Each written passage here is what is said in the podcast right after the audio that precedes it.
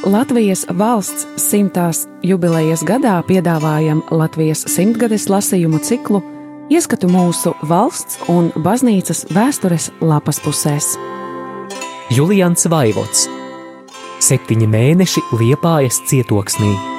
No 1944. gada 9. oktobra līdz 1945. gada 9. maijam.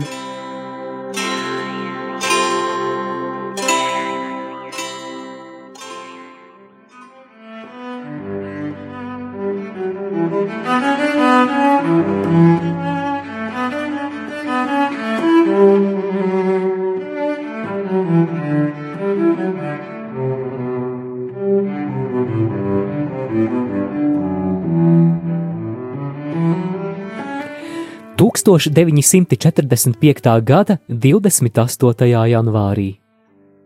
Baltkrievu sakām vārds teica, ka ditrevoga to didoboga. Citādi cilvēki rīkojas, ja klājas labi.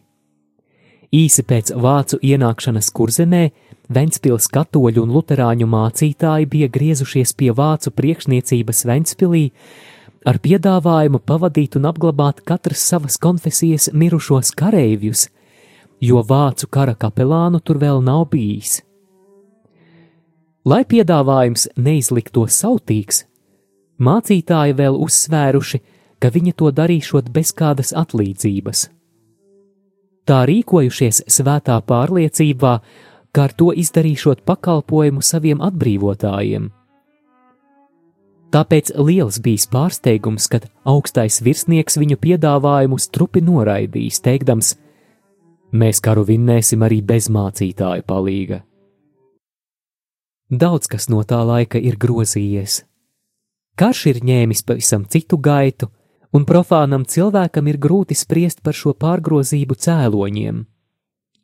Bet katrs sajūt, ka pašreizējā cīņā nepietiek ar cilvēku piepūli un labu apbruņojumu. Vajadzīgs dieva palīgs visiem kopā un arī katram atsevišķi. Tāpēc arī jūtams pagrieziens vāciešu garīgā noskaņojumā. Varu runāt tikai par saviem novērojumiem mūsu baznīcā. Jau no pirmā kara gada katedrālē katoļu ticīgie kara kapelāni ik svētdienu notur dievkalpojumus vācu kareiviem.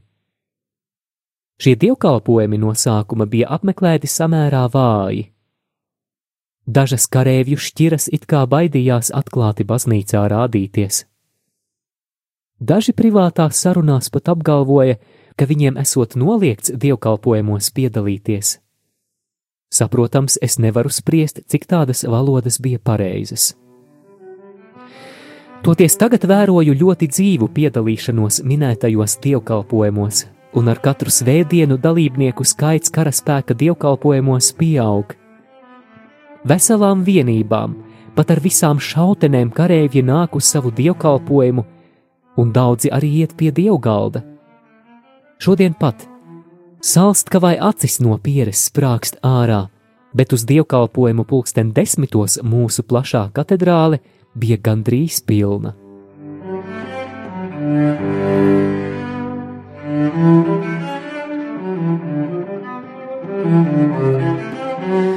Jā, vācieši tiešām ir sīksta un izturīga tauta. Viņi paši dara, ko spēj, un arī cer uz dieva palīgu. Ne tā kā mūsu ļaudis, no kuriem vismaz daļa jau tik tālu zaudējuši cerību, ka pat dievkalpojumiem atmetuši ar roku. Kas netic dieva palīgam, tam arī dievs nevar līdzēt.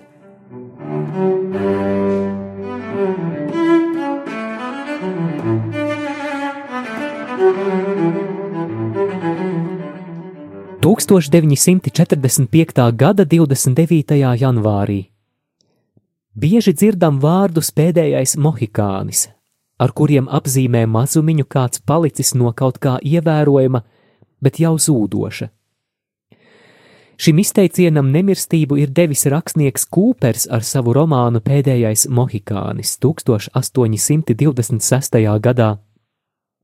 Mohikāņi, Mahikanik pie tekošā ūdens dzīvojoša algoniku cilts, kura holandiešiem ieceļojot tagadējā Ņujorkas apvidū, apdzīvoja Hudzonas upes krastus, un ieceļotāju atbalstīta, ilgi karoja ar kaimiņos dzīvojošo Mohavku cilti.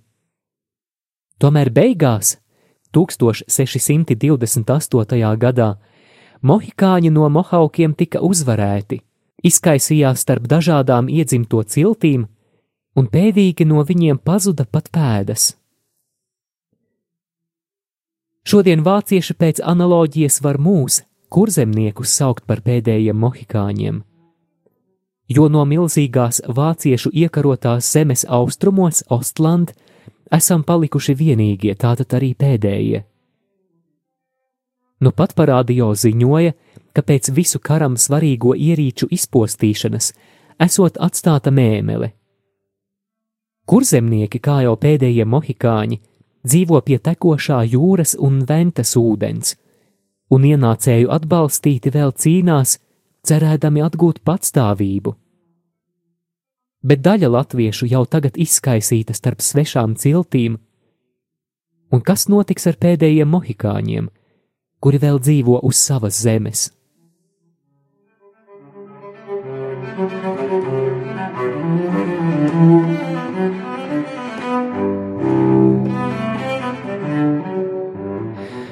Šodien kurzeme ir vācu pēdējais bolverks, nocietinājums. Vis tālāk izbīdīts uz ziemeļiem visā austrumu frontē. Ar lielākiem vai mazākiem starpbrīžiem te norisinās niknas cīņas. Pēdējā krievu ofensīva, kura ilgst jau vairākas dienas no vietas un kuras troksnis liepājā labi sadzirdams, ir jau ceturtā, skaitot no viņu sākuma pirms Ziemassvētkiem.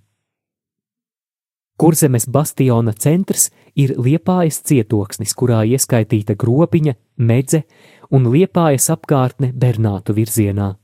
Šis kurzemes stūrītis nevelti pārdēvēts par cietoksni. No tiem laikiem, kā pilsēta dibināta, nekad viņa tā nav bijusi nocietināta kā tagad. Ne tikai visapkārt apjosta ar neskaitāmiem grāvjiem un nocietinājumiem, pie kuru rakšanas tūkstoši cilvēku simtiem dienu ir jau strādājuši un vēl tagad strādā. Bet arī pašā pilsētā izrakti visi dārzi, sētas un pat ielas. Uzcelti un vēl tagad tiek būvēti tādi bunkuri, kurus arī lielākie artērijas šāvieni liekas nevarēs sagraut. Dažs labs dārza īpašnieks pēc kara no tāda bunkura materiāliem varēs uzcelt otru tik lielu māju nekā tā, kuru karš jau nopostījis, vai vēl nopostīs. Agrāk sagrauto namu pagrabi un trupas tagad pārvērsti vienā vienīgā nocietinājumu sistēmā. Nomalnieki stāsta, ka viņu mītnes tagad izskatoties kā vasarnīcas starp gaisā saslieto lielgabalu stobriem.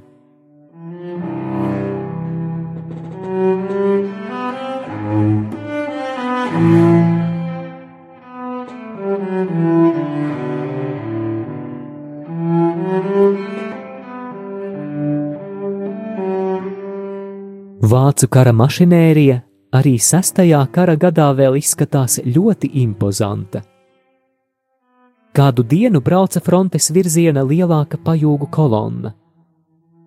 Var apbrīnot viņu ratus, pie kuriem piejūgti četri zirgi, galāči.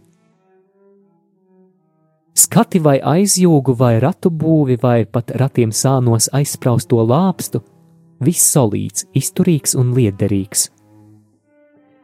Cik tūkstošu kilometru dažs ritenis jau nav noripojis un zirgs nostampājis, un kur vēl viņiem ceļa gals.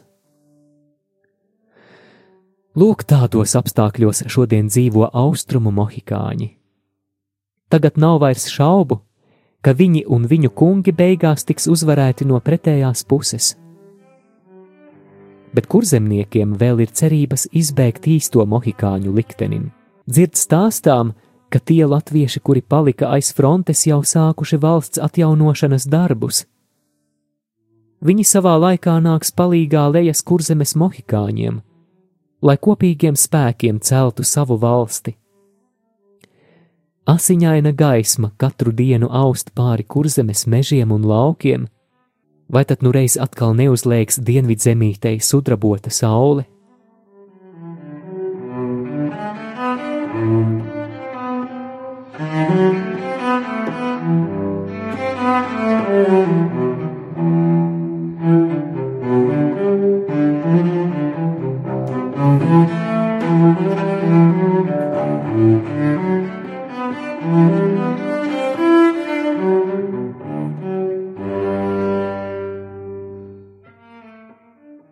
1945. gada 30. janvārī.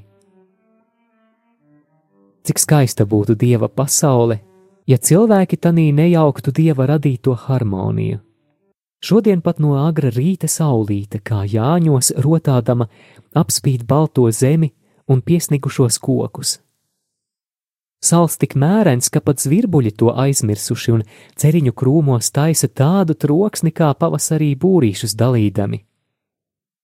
Bet cilvēki uz ielām gaisā vien skatās, tik ne jau sauli apbrīno. Visu dienu kaut kur padebešos riņķo ienaidnieka izlūku lidmašīnas, un zenīta artilērija it kā negribot laiku pa laikam tausta ienaidnieku dzidrajās debesīs liekas, nu pat atskanēja sirēna, vēstot trauksmi. Un tas tā uztrauc cilvēkus, ka pat jauni nervi nespēja to panest. Pa ielas apledojušo ietni uz slidām braukā divi zēni un pastāvīgi vēro gaisā dūcošo lidmašīnu. Pēkšņi lielākais iekliedzas: Voldiesi mājā, tūlīt būs trauksme! Jāiet būs tas dulais vaņka šodien visu dienu iet pa gaisu kā dundurs govīmā pasti bizošanas laikā. Tiešām var sākt vēl dzelt, atbild otrais, laikam atcerēdamies, kā vasarā gājis karstā laikā govis ganot.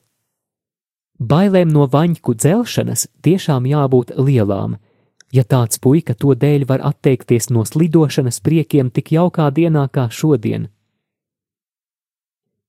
Ilgstošs karš var ne tik vien sabojāt cilvēkiem nervus, bet pat laupīt katru savaldīšanos, sevišķi tiem, kuri atrodas frontē ilgāku laiku. Jau Pirmajā pasaules karā kāds kara ārsts man stāstīja šādu atgadījumu. Kādam kareivim frontē sadragāta kāja, un slimnīcā to vajadzējis amputēt. Pēc operācijas slimnieks atžilbis no narkozes prasot vēlreiz parādīt viņam amputēto kāju. Gribot, negribot, vajadzēja slimā vēlēšanos izpildīt. Kad žēlsirdīgā māsa kāju pienesusi pie gultas, slimais to paņēmis rokā, un tad ar negaidītu no slimnieka sparu sviedis pret sienu, kur karājusies cara bilde. Slimnieka kliedziens še, rī, bijis tik briesmīgs, ka visi klātesošie uz brīdi it kā sastinguši un pats slimnieks tūlīt kritis nesamaņā. Kaut ko līdzīgu tagad stāstīja kāda slimnieku kopēja no kara slimnīcas. Atvests no frontes ievainots kareivis, un vajadzējis to pārsiet, bet slimais karsonī izturoties kā vājprātīgais un nevienu nelaižot sev tuvumā. Katrā, kas viņam tuvojoties, viņš redzot savu ienaidnieku, krievu, un izrāvis savu kabatas nazi, vicinot uz visām pusēm, it kā atgainīdamies no uzbrukuma. Saprotams, tas viss norisinājās karsoņa murgos, bet tas arī liecina, kādu iespaidu karš var darīt pat uz norūdīta kareivja nerviem.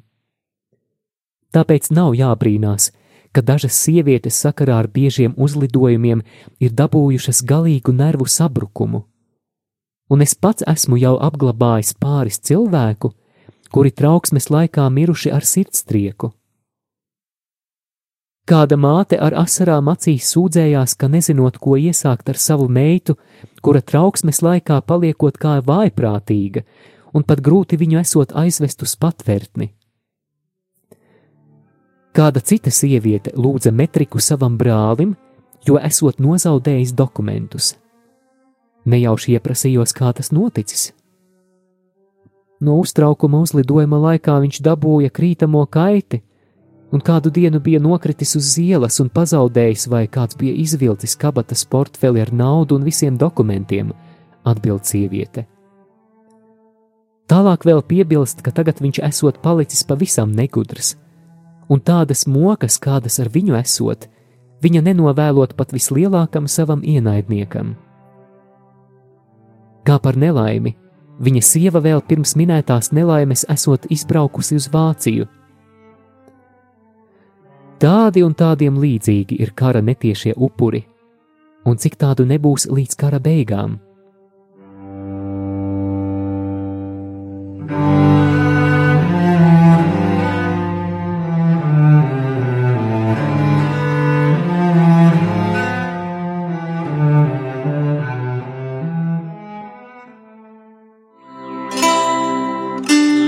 Radio Marija Latvija ēterā Latvijas simtgadēji veltīti lasījumi.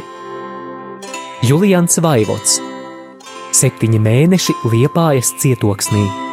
No 1944. gada 9. oktobra līdz 1945. gada 9. maijam.